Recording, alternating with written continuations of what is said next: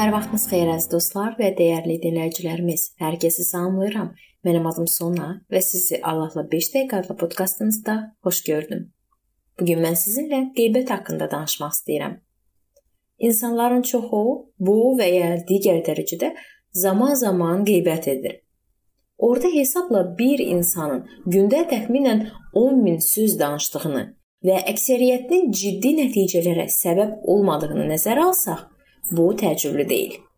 Bununla belə başqaları haqqında boş söhbətləri və ya şayələri təkrarlayanlar adətən bəyənmədiyimiz insanların siyahısında birinci olur.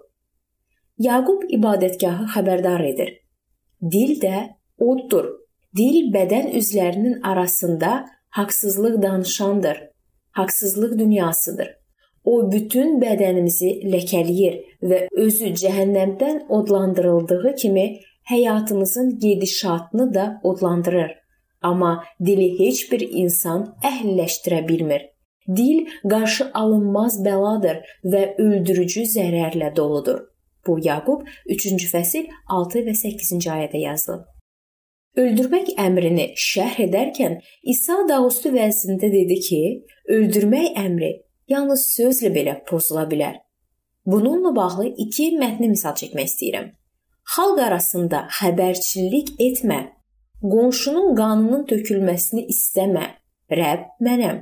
Bu Levilər kitabı 19-16-da yazılıb və daha bir mətn boş xəbər gəzdirməyin. Yalançı şahid olmaq üçün haqsız adamla əlbir olmayın.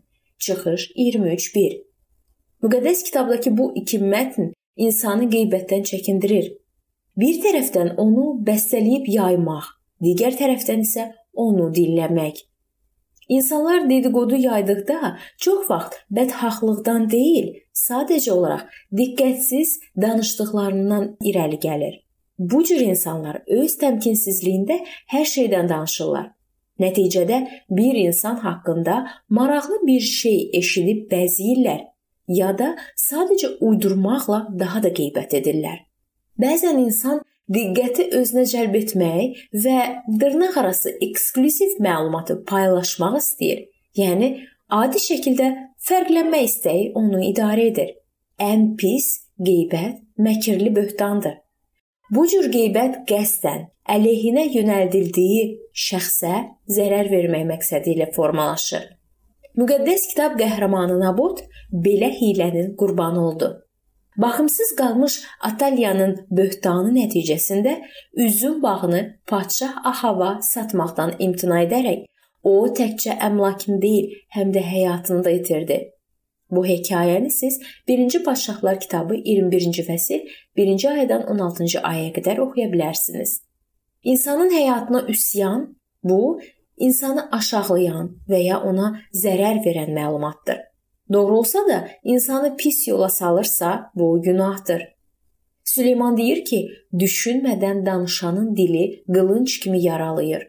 Hikmətlinin dili isə insanları sağaldar. Süleyman məsəlləri 12-ci fəsil 18-ci ayə.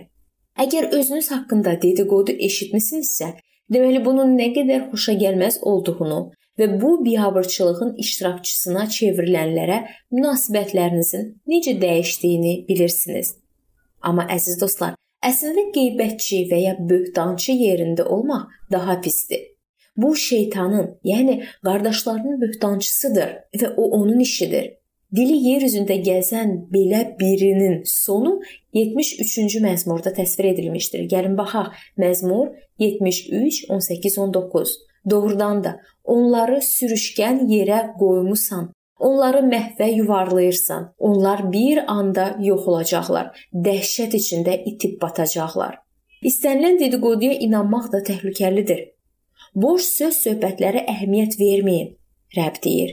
İsrail xalqı səhrada gəzdi və Rəbbin bağışladığı bir çox günahlar etdi və yalnız casusların günahını vəd edilmiş torpaqla bağlı dediqodularına gözlərini yummadı. Kənana girməyin mümkünsüzlüyü ilə bağlı bu dediqoduya qulaq asdıqları üçün bütün insanlar cəzalandırıldı. Qeybət etmək və qeybətə qulaq asmaq İsa ilə və bir-birimizlə normal münasibətimizə mane olan iki zərərli günahdır. Qeybət təkcə haqqında atılan şəxsə deyil, həm də onu qəbul edən, ona inanan və insanlarla münasibətlərini onun əsasında quran şəxsə bəzən düzəlməz zərər verir. Əziz dostlar, əgər belə edirsinizsə, tövbə edin və bundan əl çəkin. Allahın huzurunda bu pisliyi etməyin. Çünki insan hər boş sözə görə qiyamət günü cavabını verəcək. Hətta səmimi tövbədə Təəssüf ki, bəzən bəzi qeybətin nəticələrini aradan qaldıra bilmir. Amma vaxt keçir, Allah tarixə müdaxilə edir və onu öz işinə zərər verməyəcək şəkildə çevirir.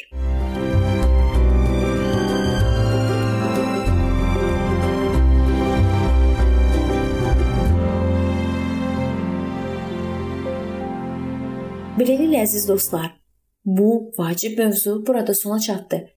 Hər zaman olduğu kimi sizi dəvət edirəm ki, bizim podkastlarımızı Facebook səhifəmizdən və YouTube kanalımızdan dinləməyə davam eləyəsiniz. İndi isə mən sizinlə sağollaşıram və növbəti görüşlərdə görmək ümidi ilə sağ olun, salamat qalın.